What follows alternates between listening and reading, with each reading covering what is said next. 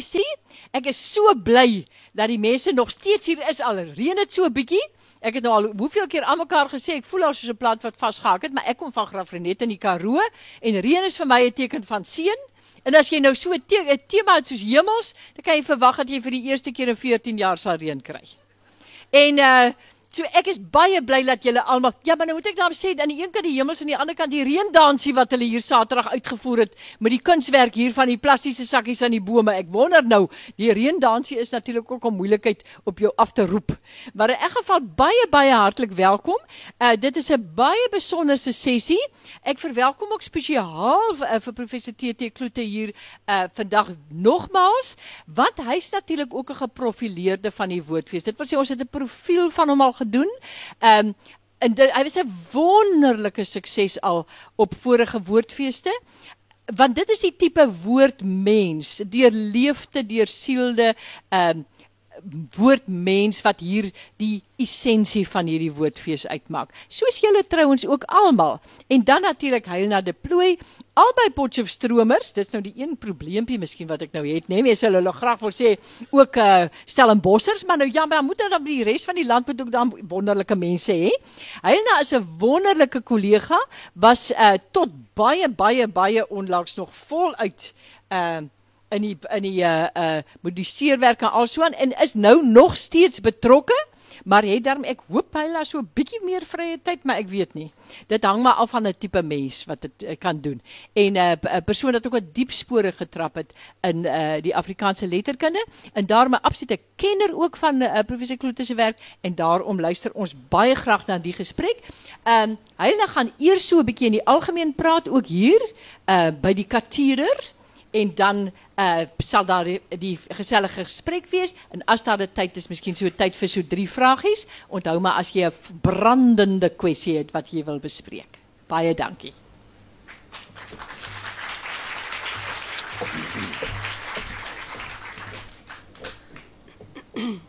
Uh goeiemiddag uh dames en here. Uh dit is vir my 'n uh, baie groot voorreg om om hierdie boek uh vandag te kan bekendstel. Dis 'n verskriklike lekker werk wat ek het om te doen. Uh kyk, boeke mense hou van boeke. En hulle hou van mooi boeke. En hulle hou nog meer van interessante en en opwindende boeke. En hierdie boek waaroor ek dit nou vanmiddag het, is inderdaad 'n interessante en 'n ander soortige boek. Kyk, uh, almal van ons wat graag lees, weet dat as jy 'n boek lees, dan dan het jy 'n bepaalde verwagting van wat jy daar gaan kry. Jy verstaan die boek eintlik in 'n groot mate op grond van die aard van die boek wat jy lees. Uh Ja, dit is een van die maniere waarop ons hele leeservaring eintlik tog maar berus. Jy weet hoe lyk 'n gedig, jy weet hoe lyk 'n storie, jy weet wat is die verskil tussen 'n verhaal en 'n gedig. Jy weet ook wat is die verskil tussen 'n koerantberig. Ek meen stel jou nou voor die die joernalis wil nou 'n berig skryf oor 'n hofsaak oor 'n erfporsie en nou gaan haal hy die oom wat oorlede is se storie by sy geboorte. Nou ja, goed, dan sal die mense nooit klaar kry om die koerant te lees nie en die joernalis gaan definitief sy werk verloor, want dit is 'n ander soort teks.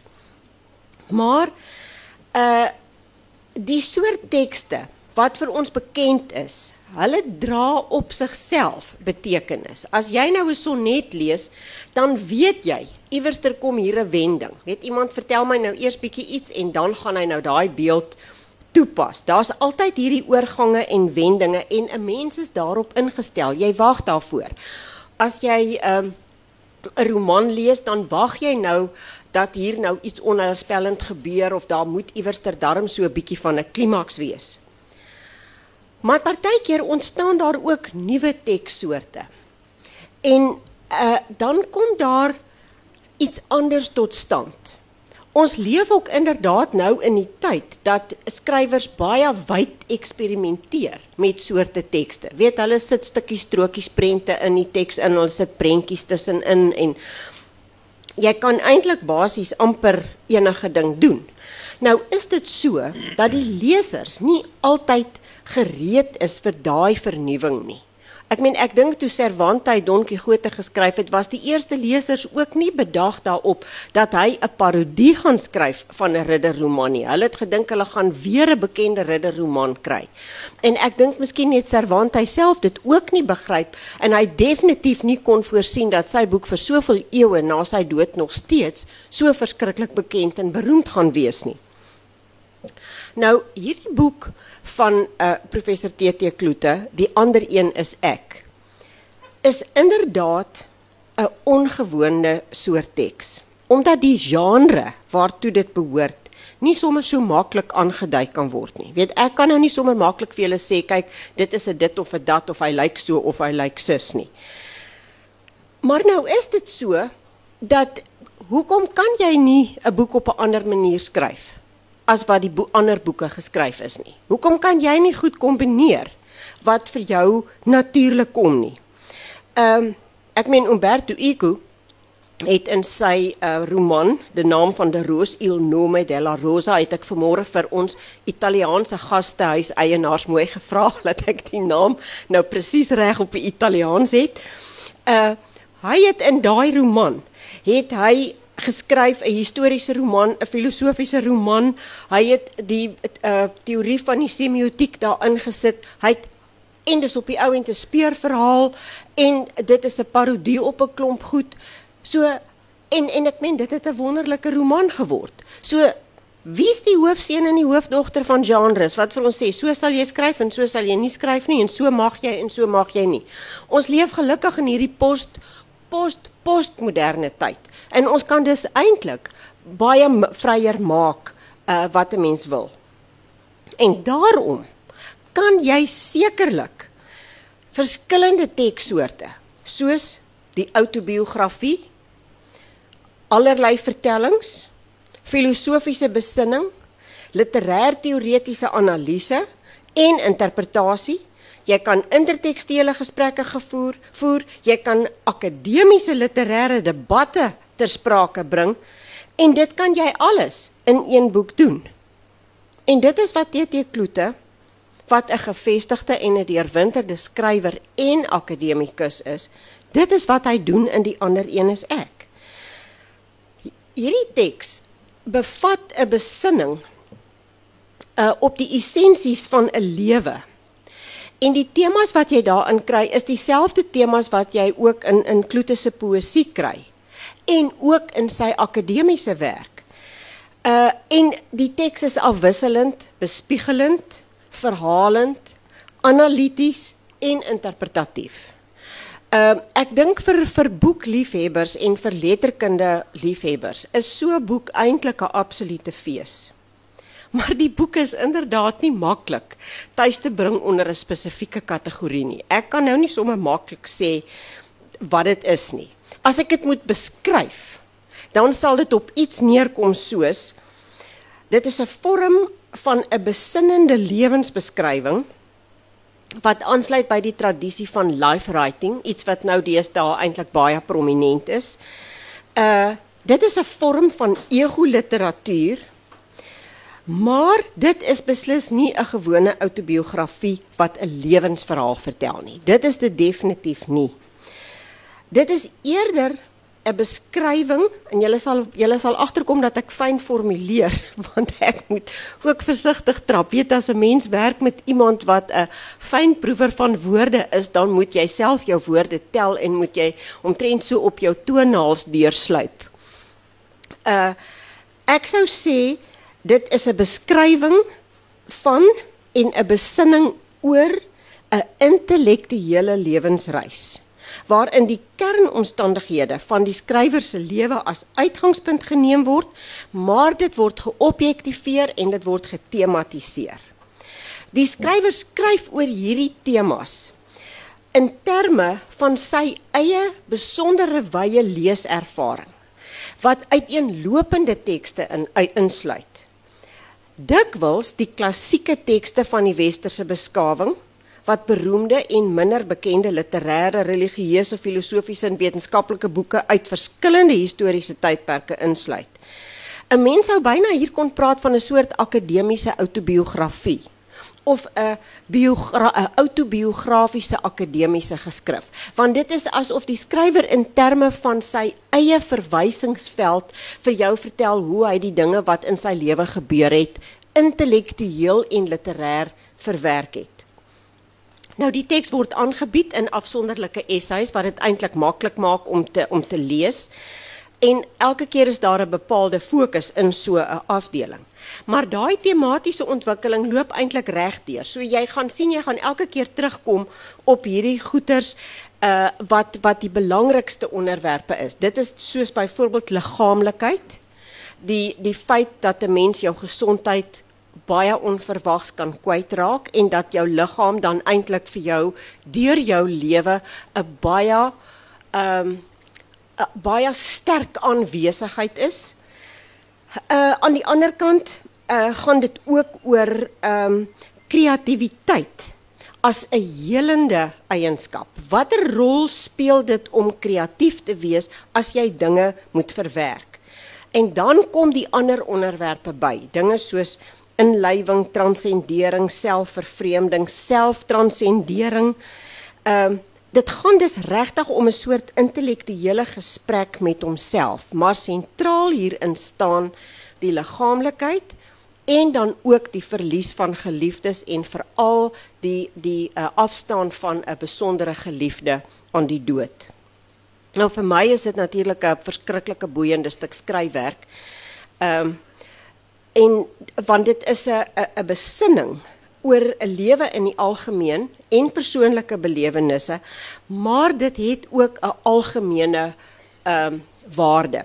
Nou is dit so as jy die boek lees, dan sal jy sien dat die boek 'n taam taamlike akademiese voorkoms het. Daar's allerlei verwysings in. Nou daai verwysings is nie om slim te lyk nie. Dit is sodat jy self in daardie boeke verder kan gaan lees. Want dit is alles eintlik verskriklike interessante boeke waarna verwys word. Ek meen ek het baie keer daar by professor Kloete gekom en dan sit hy in sy groot stoel en dan hy hierdie kant so dik boek langs hom in die, by die stoel langs die kussing in en hierdie kant is daar nog so 'n dik boek. Dan's hierdie een van Gogh se briewe die nuutste Nederlandse uitgawe. En hierdie kant is so dik die geskiedenis die geheime geskiedenis van die Mongole. En dit is die goeters wat hy sit en lees. En dan praat hierdie boeke met hom in terme van die vraagstukke lewensvraagstukke waarmee hy sy kop besig hou.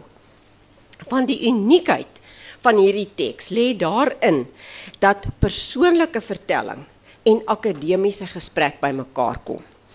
Uh die die die die feit van die saak is eintlik dat 'n mens verwag dat jy iets moet lees in 'n genre wat jy ken. Hierdie ding moet nou soos 'n outobiografie vir jou die storie vertel. Weet of hierdie ding moet vir jou soos 'n roman moet hy nou 'n sekere ontwikkeling hê. Maar hierdie is 'n ander soort boek. Ek weet en dan het ek een keer is dit 'n 'n baie bekende teoretikus ou met die naam van Roger Fowler het op 'n keer gesê jou genre is eintlik net om die kommunikasie daar te stel. Jy verwag iets en dit maak as dit ware 'n kommunikasiekanaal, maar die genre is nie soos 'n duiwehok nie. Dit is die duif. Dit is die duif wat kan vlieg. En hierdie 'n teks is hanteer dat die vorm van die teks soos 'n duif kan vlieg uh, dit sit die kommunikasie aan die gang. Dit is die vertrekpunt is dus iets en dan moet die leser maar eintlik die skrywer se aanwysings volg. Wel dis nou die gewillige leser. Maar lesers mag natuurlik ook teepraat en terugpraat. Dit mag definitief ook gebeur. Die feit van die saak is, dit gaan hier om die natuurlike skryfproses van 'n groot digter en skrywer wat literêr en akademies geskool is en dit is sy natuurlike habitat. Dit is die wêreld waarin hy lewe. Hierdie boeke wêreld is die wêreld waarin hy geleef het. Dit is sy verwysingsveld. En in terme daarvan deel hy sy lewenservaring met sy leser. 'n Mens sou dus eintlik ook hierdie boek as wysheidsliteratuur kon bestempel uh omdat dit baie sterk besin oor die kuns van die lewe. Hoe lewe jy? Hoe hanteer jy dinge? Hoe hanteer jy die dinge wat oor jou pad kom waar waarvoor jy nie en waarop jy nie bereken het nie? Uh en die titel van die boek is verskriklik belangrik. As hy sê die ander een is ek. Dit gaan om daai gemeensame aard van belewenis. Wat ek belewe is ook wat jy kan belewe en wat jy belewe is ook wat ek kan belewe. Ek kyk na jou en jy kyk na my. En op daardie manier is die mens eintlik aan al sy medemense eintlik verbind. Die Nederlandse digter Willem van Toren het op 'n keer in 'n onderhoud gesê alle mense het emosies. Jy jy regtig as jy nou gaan sit om 'n gedig te skryf en jy wil net jou eie emosietjie daar uitstort almal het emosies. Dit gaan nie daaroor dat jy 'n emosie het nie. Dit gaan daaroor wat jy literêr daarmee doen. En wat Kloete doen is, hy verduidelik vir jou wat hy ervaar in terme van sy verwysingsveld. En dan moet ek julle by sê, dit is 'n tamelike groot verwysingsveld. Uh dit is iemand wat oor baie jare baie boeke gelees het. Ek het 'n deel van professor Kloete se boekery geërf omdat ek in sy kantoor gekom het en ek het nie net bruikleen van die boeke gehad nie, ek het toe later leen van die boeke gehad en toe het ek maar later die boeke gekry omdat hy nie plek gehad het nie. Uh en nou leen hy sy eie boeke by my terug. Uh maar die daar is nie een van daai boeke wat jy oopmaak waarin daar nie noukeurige merkies en aantekeninge is nie. Dit is iemand wat baie gelees het. Um En hierdie verwysingsveld gee 'n bepaalde gravitas aan die argumente waarmee hy hom hier besig hou. Nou die boek is eintlik dink ek eenvoudig en toeganklik geskryf. Kloete het altyd 'n helder styl. Uh as jy as jy onduidelik skryf oor iets wat jy dit nie goed begryp nie, maar dit sal jy nie hier kry nie. En 'n ander baie belangrike aspek van hierdie boek wat 'n mens in ag moet neem is Daar word dikwels gesê dat as jy 'n groot skrywer of digter se werk wil begryp, dan moet jy na sy boekrak gaan kyk. Jy moet gaan kyk wat het hy gelees. Jy kan T.S. Eliot verstaan as jy weet hoe deeglik hy Dante gelees het. En jy kan Dante verstaan as jy weet dat Dante eintlik Vergilius gelees het. Nou sê ek nie, julle moet almal nou teruggaan tot by die Grieke en die Romeine nie. Maar die feit van die saak is, die die digter se boekrak en sy leeservaring gee vir jou 'n aanduiding waar jy die betekenis in sy werk kan gaan soek. En dit is eintlik iets wat deesdae nogal baie aandag kry. Uh daar's ook daardie pragtige film Possession uh waarvan wat gebaseer is op die roman Possession van A.S. Byatt. Gwyneth Paltrow speel in die fliek. So dis baie modern. En daai hele storie gaan hier oor 'n ou se se boekery waarin mense sleutels en geheime kry om sy werk te verstaan.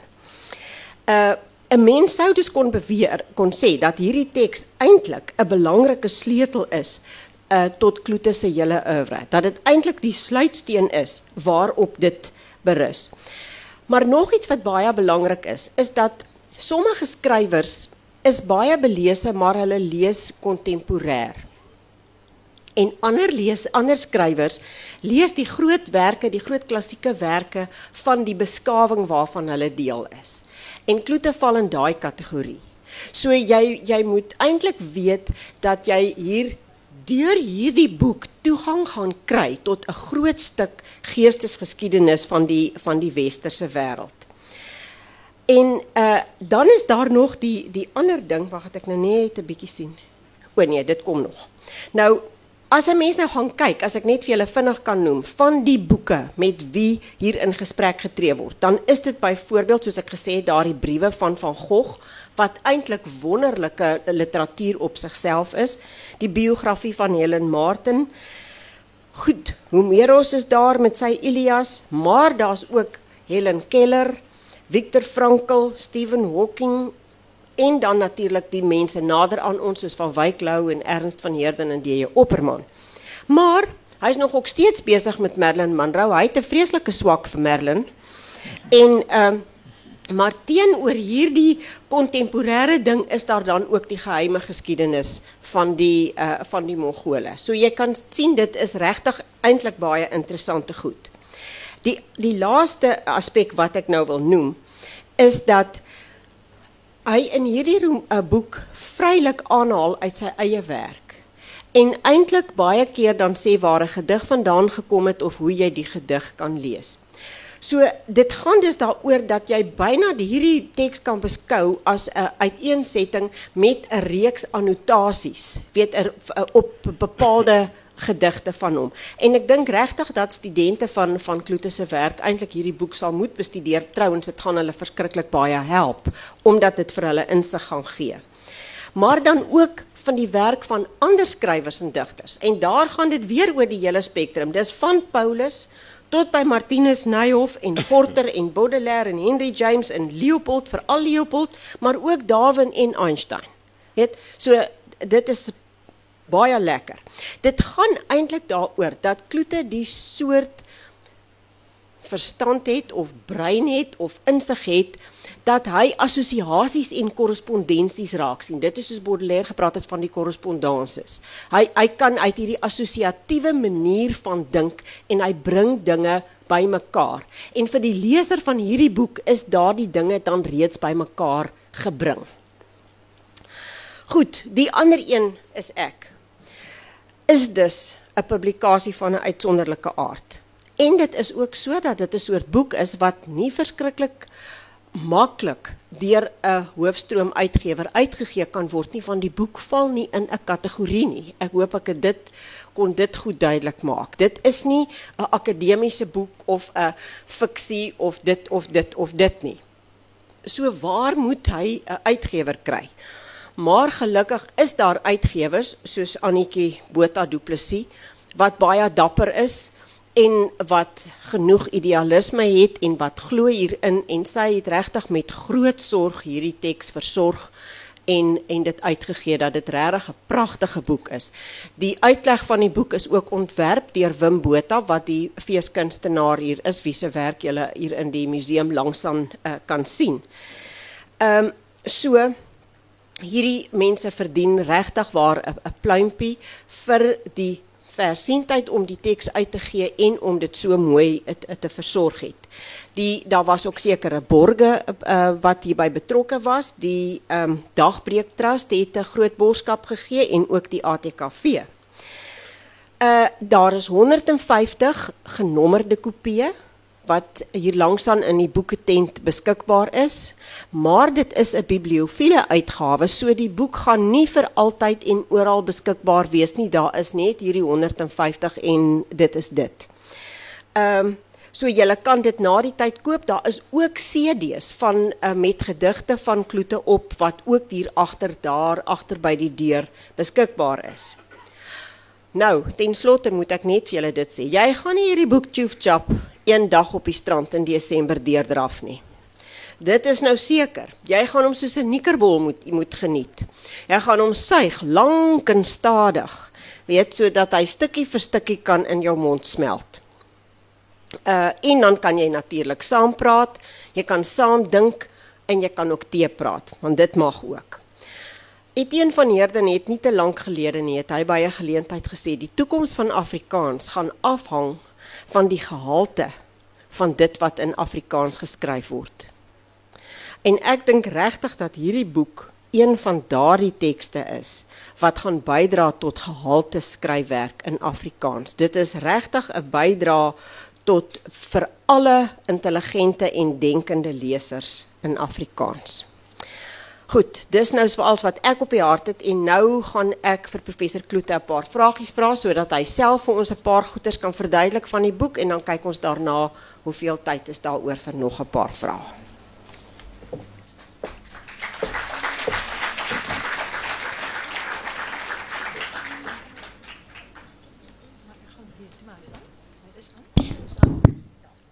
Ja, alright. Goed, ja. Ehm um, nou weet ek nie hoe moet ek Ehm um, jy moet maar Sê Martinus. My naam is mooi. In opdrag spreek ek vir professor Kloete aan as Tenus, maar dis werklik 'n opdrag. Ehm um, goed. Nou, ek wil net 'n bietjie vra. Hierdie boek het oor 'n lang tyd uh ontstaan. Dit is dit dit is nie ehm um, iets wat 'n mens in een worp sit en skryf nie. Ehm um, kom die idee van ver af? Uh het dit ontwikkel terwyl jy dit aangeskryf het? Praat bietjie met ons daaroor. Ja, die uh, my heel eerste publikasie was 'n artikel in die Huisgenoot in 1953. Ek het pas ek het in 1953 gepromoveer. En toe kom ek uit die buiteland uit en toe is hier 'n verskriklike twis in die land aan die gang. Toe was minister Jan de Klerk, Evie se pa, was die minister van onderwys en hy het 'n onderwysgebou in Pretoria laat oprig. En hy het vir 'n beeldhouer die opdrag gegee om 'n beeld te maak.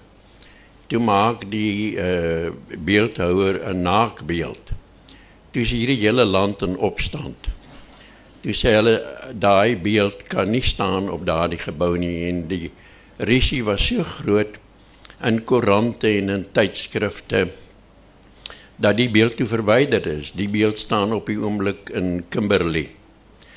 Is 'n museum. Gelukkig het hulle nie die beeld vernietig nie. Maar dit is die ewigste polemiek wat ek uh, uh nie politieke polemiek alhoewel daar ook politieke elemente natuurlik in was.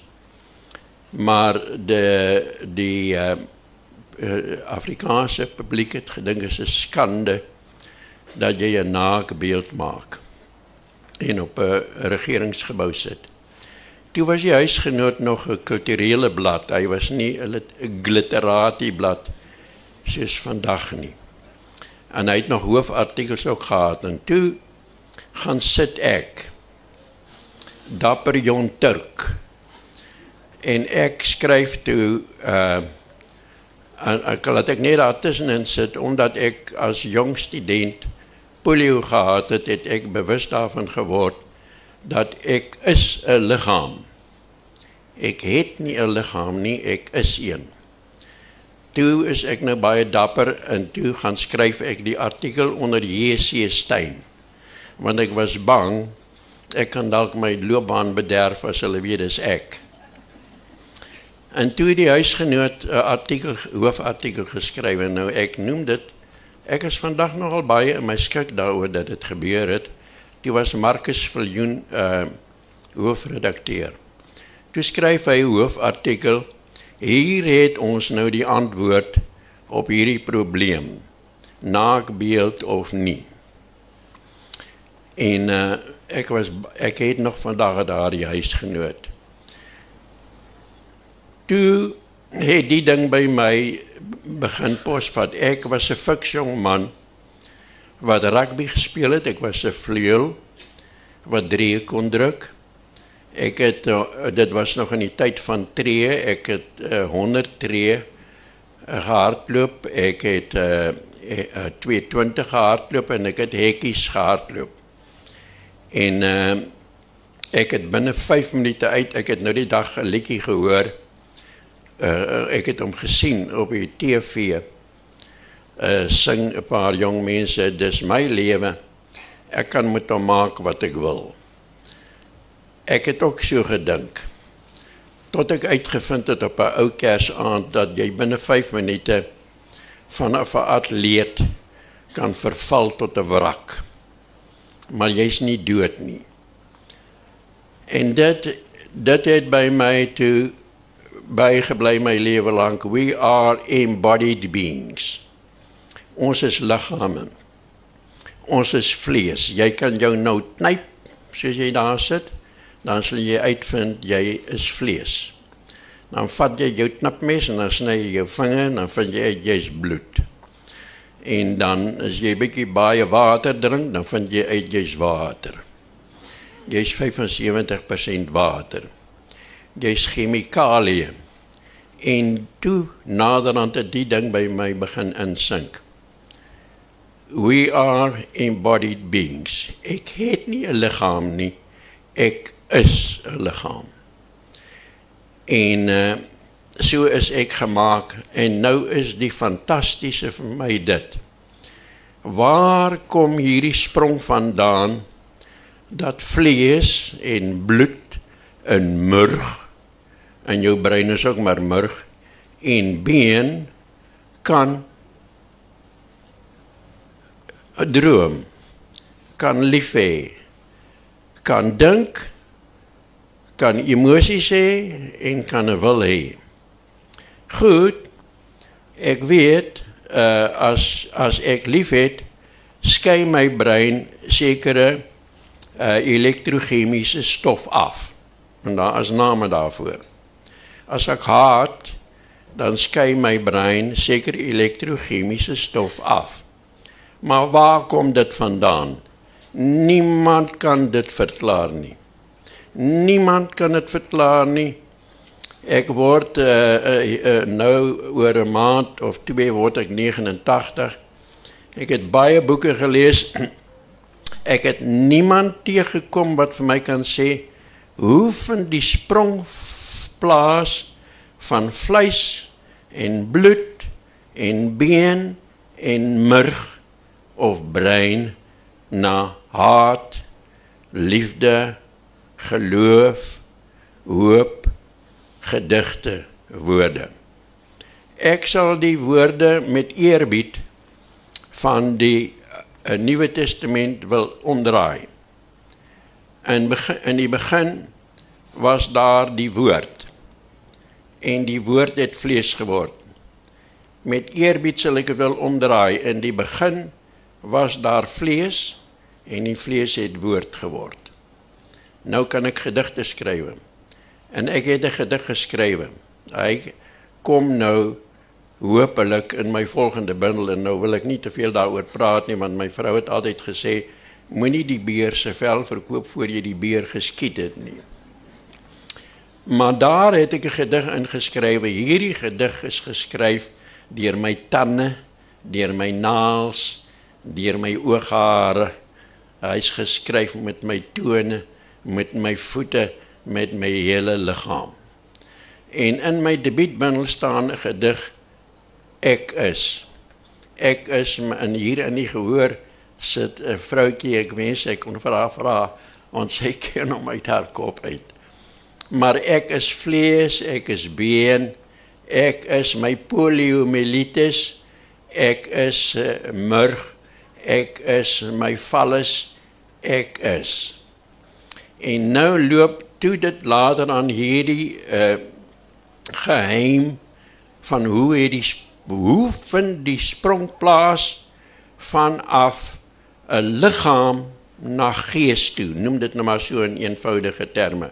Hoe kan vlees en bloed en ons is meestal water. Ek dink ons is in die 70% water. Nou alle lewe het uit water uit ontstaan. Die Bybel sê dit ook, maar die wetenskaplikes sê dit ook.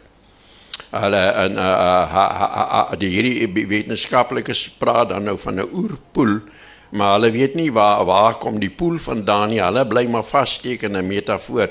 Dis nogal vir my komies die wetenskaplikes steek eintlik vas in 'n metafoor. En die metafoor is die kern van die gedig. Hulle weet nie, party is net te trots om te sê hulle weet nie. Maar ek sal ook Descartes iets by Descartes wil sê. Descartes het gesê eh, ek kan dink, daarom is ek. Ek wil by Descartes sê ek eh, ek wil iets toevoeg vir Descartes. Hy kan my nou nie meer hoor nie, maar as hy geleef het sou ek vir hom gesê het. Ek is liggaam.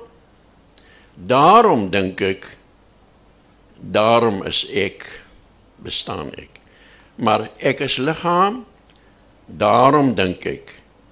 Descartes het nie daaraan gedink wat is daardie geheim nie. En dit is nou die kern van hierdie boek van my. En toe het ek nou met ter jare eh, het ek dan nou dit geskryf. Daar daar is baie liggaamlikheid in my gedigte en die die persoon wat dit eintlik onder die aandag gebring het van die literêre publiek is uh, is Heilna. Sy het agtergekom hoe ek oor die liggaam skryf. En hierdie wonderbaarlike ding wat wat by my uh, verwoes is Maar hy kan nog uh, dink. Hierdie liggaam kan nog dink. Hy kan nog lees en hy kan lief hê. Nou nou kom daar vertakkings uit uit hierdie kerngedagte. Soos byvoorbeeld dat ek kan glo uh, dat ek uh, kan lief hê en dat ek kreatief kan wees. Hoe kan en en ek sê dit kom nou in hierdie nuwe bundel. Julle moet nou nie my tema steel julle wat kan skryf nie. Maar ons het drie breine. Ons eerste brein is ons maag. Hy moet werk van die begin af. En as hy nie werk nie, gaan jy dood. Dan kan jy nie meer gedigte skryf of lees nie. Jou tweede brein sit uh, in jou genitalia. En jou derde een is hierdie een. In hierdie uh porselein of uh ivoor dop. En jy kan nie hoor wat hier aangaan nie. Hier gaan 'n uh, amper wil ek sê 'n moer se lawaai aan. Hier vonk dit die hele tyd. Maar maak hierdie maag dood. Dan hou daai vonk op. Nou hierdie hierdie tweede brein wat sin wat sit in wat ek die derde oksel noem hieronder. Hy het uh, hy beheer beteken hierdie man. Hy ruk hande uit. Uh en die maag ook. Maar nou soek het ek nou die vertakkings uitgewerk ook dat pyn is kreatief. Ek ek nou weet ek mense mens kan uh, gebreke romantiseer. Jy kan uh jy kan sê uh omdat ek baie pyn gehad het, ek kan ek kan ook dweep met my pyn. Maar ek dweep nie met my pyn nie, maar van my 18de jaar af het ek elke dag pyn. Soos ek hier sit, het ek pyn, maar ek het al geleer om 'n hoë drempel teen pyn te ontwikkel. Maar dan is pyn kreatief. Die dood is kreatief. Toe my vrou gesterf het, die eerste hoofstuk in hierdie boek is toe ek my vrou se dood beskryf het. En waar sy toe sy sterwende was reeds nie nie meer kon praat nie in 'n universele menslike taal gepraat het met ons om haar sterfbed en dit is gebare. En Augustinus skryf dit al in sy belydenisse dat die gebaar is die mees is die universele taal van die mens. En u wat al babetjies gesien het, weet dit. Babetjies glimlag vir jou omdat hulle jou gesig kan lees of hulle skree omdat hulle daar iets in sien wat nie lekker vir hulle is nie. Maar babetjies praat met jou met hulle liggaam lank voor hulle met hulle mond praat. Pyn kan kreatief wees. Die dood kan kreatief wees. Die dood is was die, die eintlike stimulus dat ek gaan sit het om my vrou se dood te verwerk om nou hierdie idees wat nou die hele al die jare in my kop geswerf het bymekaar te bring. Maar dan die liefde, die kern en daar was Paulus reg is die liefde. En die liefde is die eintlike ding van die ander een is ek. Want as jy lief het, verloor jy jou egoïsme en dan word jy die ander een. En ek het my vrou geword en my vrou het ek geword. En hierdie ding van Flaubert en Madame Bovary is waar. Flaubert was 'n man, maar sy hoofkarakter is Madame Bovary en hy het gesê madame Bovary c'est moi. Madame Bovary wat 'n vrou is is ek Louis Couperus was 'n man. Eline Vere is 'n vrou maar Louis Couperus het Eline Vere geword. Die liefde is die ontsnapping. En verstaan my mooi daar's 'n groot verskil tussen verliefdheid en sy elektrochemiese pulse wat hy uitstuur en liefde. My ma en pa is al dood op die ouderdom wat ek nou het en ek is nog vir hulle lief. En geen laboratorium kan dit meet nie. Hulle kan my in 'n laboratorium sit as ek verlief is en dan meet hulle watter uh, elektrochemiese uh, impulse word afgestuur. Hulle kan nie die liefde meet van wat ek nog het vir my vrou wat al 7 jaar dood is nie. Hulle kan nie die liefde meet vir my pa, my ma, of my oupa, my ouma wat al hoe lank dood is nie alle eeu. Hoe lank is my oupa en my ouma al dood? Hulle is op my leeftyd dood en ek is nog lief vir hulle. Geen laboratorium kan dit meet nie en Dawkins met sy genetika in Oxford kan maar kom. En nou ek daag hom uit. Hy kan wat nou sê dit gaan om gene. Nie bog daarmee. Ehm um, dit is waarom Newton gesê het as ek kyk na my duim dan kan ek sê daar is 'n God. Hoe hy lyk, dit weet ek nie. As ek 'n sneeuvlokkie sien, die meeste mense weet nie hoe lyk 'n sneeuvlokkie nie. Maar julle het almal rekenaars, gaan tik net in snowflake. 'n 'n snow snow nie nie snowflake nie. Snow kristal. Sneeukristal. Alle sneeukristalle het 'n heksagoon. Soos 'n by alle by 'n 'n 'n neste 'n heksagoon het. Soos die naaldekoker se oog der duisende heksagone het. As die by 'n vierkant moes maak vir haar reëning, dan het hy boepens gemaak. As 'n driehoek driehoek gewees, dan het hy 'n boepens gemaak. Ehm uh, was dit 'n sirkel, het hy 'n ovaal geword.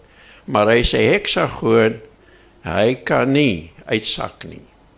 Hy bly 'n heksagoon met daai is heuning is swaar en alle sneeukristalle word sneeuvlokke maar alles sneeukristalle en dit kan ons sien onder 'n elektronmikroskoop alleen is heksagone. Dus en nou hierdie ding die ander een is ek. Nou kan ek hier sit, nou het ek iemand lief, nou is ek daai persoon. Nie verlief nie, lief. Nou is ek daai persoon. En ek kan ook lief wees vir hier's mense in hierdie gehoor wat ek uh, baie lief vir is en uh, met goeie bedoelings en my egte liefde die liefde wat Dante met die hoofletter geskryf het. Maar nou kan ek ook 'n uh, boom word. Soos van Gogh gesê het, ek wil hierdie boom word, maar hierdie boom verset hom en en dan skryf hy in sy brief, ek gaan môre hierdie worstel met hierdie boom en ek gaan hierdie boom word. Ek gaan dit ek kan dit klip word. Dit staan in een van die psalms. God ons Jode het elke klip in hierdie land lief. Ek het ook die klippe lief. Ons was waar lou waar sê tog vir ons waar was waar het ons geëet nou die dag wat die klipbeelde was? Uh Tokara tak tokara. Gaan kyk na daai klipbeelde daar. Daar dit dit dit is wat wat wat in die menslike liggaam nagemaak was. Ek ek ek wil nog net nou net net terugkom op net nou ons weet nie wat hier aangaan hier binne nie. Weet u wat is vir my eintlik die bewys dat daar 'n God is is die brein kan homself nie verstaan nie. Dis 'n feit. Maar die brein kon nie 'n ding gemaak het wat hy nie verstaan nie. hy is gemaak deur iemand of iets anderster. As ek die brein gemaak het en dit is wat Irwin Washington gesê het, as ek my eie brein gemaak het dan was ek 'n idioot. Maar so het jy dan nou ook die uh, my een seun is 'n teoloog en ek het hom gesê maar julle teoloog julle sê daar's nie godsbewyse nie en na die, die skepping is daarvan vol van my duim af tot by my oog wat Dawid nie kon deurgrond nie. En toe sê ja pa, daar's baie godse bewyse maar net vir hulle wat klaar glo. Uh maar uh hier wat hier aangaan kan ons nie hoor nie. Hy's stil. Maar wat in jou eerste brein aangaan kan jy hoor tot jou verleentheid. ja. Ja. En dan nou dan dan nou hierdie tweede brein wat ons domineer. Nou sit ons met 7 miljard mense. Hoekom? Hoekom? Omdat ons toegelaat het dat die tweede brein die derde een oorheers. Stuur hom in die war, hardloop met hom weg. Sit ons met 7 miljard mense te veel op aarde waarvan ek miskien een is, maar ons het nie meer plek vir die mense nie. En ons gaan 8 miljard word binne 'n kwart eeu. Ja. Omdat ons nie omdat die tweede brein en die derde oksel baas speel oor ons. Maar alles is afhanklik en dan het ek ook nou voorgestel, hoe stel ons engele voor? Hulle kan sing. Maar jy kan nie sing as jy nie 'n maag het nie. En dit staan in Prediker. Party mense eet hulle vaak en slaap hulle honger. nou dit uh uh uh dames en here, dit is waaroor die boek gaan. Ek is 'n liggaam. In die begin was die liggaam en die liggaam het woord geword. En om Descartes aan te vul, ek is liggaam, daarom kan ek dink. Daarom kan ek emosies belewe. Daarom kan ek ideale hê. Daarom kan ek studeer op maties. Omdat ek 'n maag het. Dit is waaroor my boek gaan.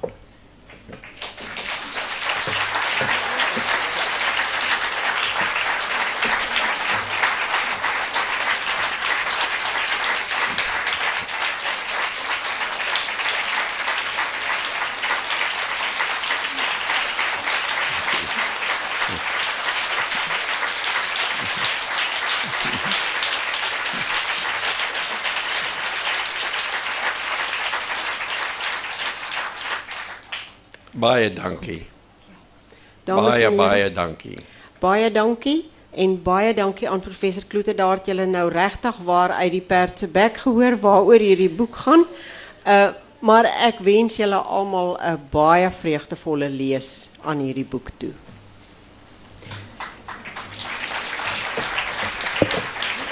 En baie dankie vir ons twee gespreksvoerders. Ek wil dan sê Ah, ek het so baie uh so lekker so 'n lapsak daar van Universiteit Leiden gekry en daarop staan ek dink en daarom is ek hier. So al hierdie denkendes, ons hoop die derde brein oorheers en dat julle dadelik daai boek gaan koop want dit klink vir my dit is spesifiek bedoel vir mense wie se derde brein oorheers. En as hy nou nog professor Kloete gaan nog 'n bietjie hier rond is ek seker en dan sal hy ook die boek teken. Maar baie dankie, ek dink dit was 'n heerlike sessie.